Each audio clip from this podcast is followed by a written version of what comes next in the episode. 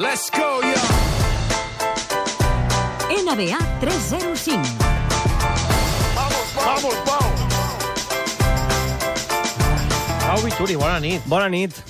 Ja tenim un finalista de NBA. Els Cleveland Cavaliers, de l'Ebron James, I ara estem esperant el segon, que surt aquesta matinada. que han anat salvant matxos ball d'aquests, sí, eh? a partir de les 3, Golden State Warriors, Oklahoma City Thunder, setè partit. Qui guanya, qui passa? Sí, um, i ho deies tu, han salvat match ball, es van posar 1 a 3 als Thunder, i Oklahoma, doncs, eh, mira, sobretot el sisè partit, eh, amb un parcial al final de 5 a 19 i amb el rècord de triples en playoffs de Clay Thompson, amb 11, doncs van salvar el segon eh, match ball en el partit més vist de la temporada, també, i avui el, el setè.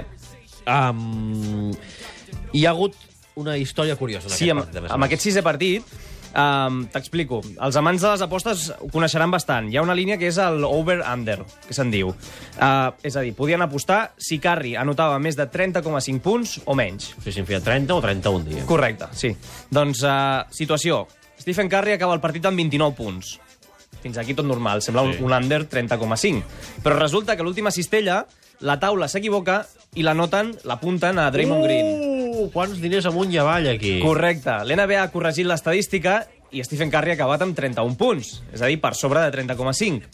Què passa? Que gent que havia perdut l'aposta, però realment l'havia guanyat. O gent que l'havia guanyat, l'havia l'ha perdut. perdut. I a Las Vegas es veu que estan, tenen un sarau espectacular perquè no saben què fer. Encara no saben què fer. No saben si donar els diners, si...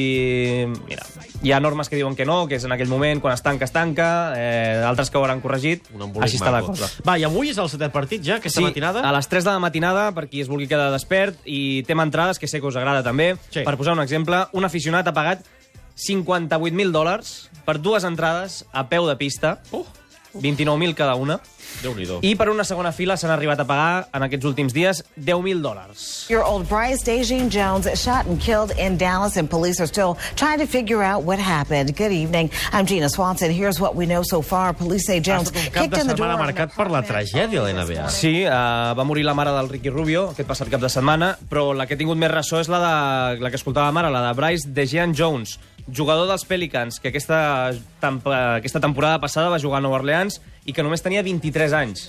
Va jugar uns quants eh, partits. I, i què, què ha passat? O què va passar? Va ser una història bastant tràgica, perquè resulta que anava a visitar la seva xicota i a la seva filla, que just feia un any, pel seu aniversari. Eh, es va equivocar d'apartament, va entrar al tercer en comptes del quart, tal qual, l'ocupant del tercer pis el va confondre i el va disparar a l'abdomen.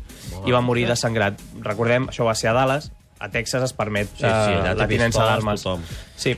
Uh, i, I més no és el primer cop que això passa a, a l'NBA, fins i tot. No, han passat molts eh, casos, si vols t'explico un, eh, sobretot, bé, eh, De tragèdies, eh, Sí, parlem. tragèdia, sí, sí. Tothom recordarà sobretot el cas de, dels casos europeus d'accidents de trànsit de, de Fernando Martín i Drazen Petrovic, Sí. però també hi ha un, un, un cas que va deixar petjada, que és el de Malik Sealy, que era el millor amic de Kevin Garnett als Minnesota Timberwolves.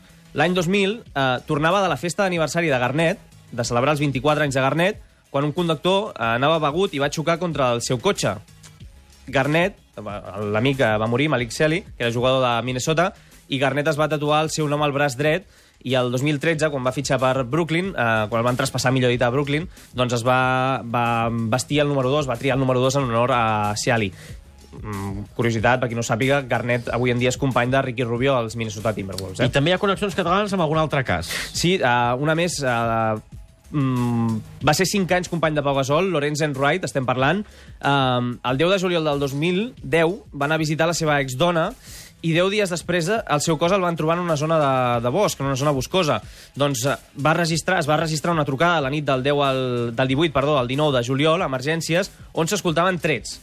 D'això ha passat pràcticament 6 anys. Doncs encara ningú sap què va passar amb aquest jugador que va estar anys i anys i anys a, a l'NBA. Va, i un últim cas més de tragèdia. Un ràpid, eh, un cas que va commoure els eh, Boston Celtics. El draft del 86 van triar a Len Bias en el número, 1 de, número 2 del draft i en tornar al seu campus de Maryland, en plena festa, va esnifar cocaïna i al final de la festa li va donar una arrítmia cardíaca i només 48 hores després de que el triessin els Boston Celtics al, al draft de l'NBA, doncs eh, va morir. Déu-n'hi-do. Tragèdies de la NBA. Pau Vituri! Bona nit.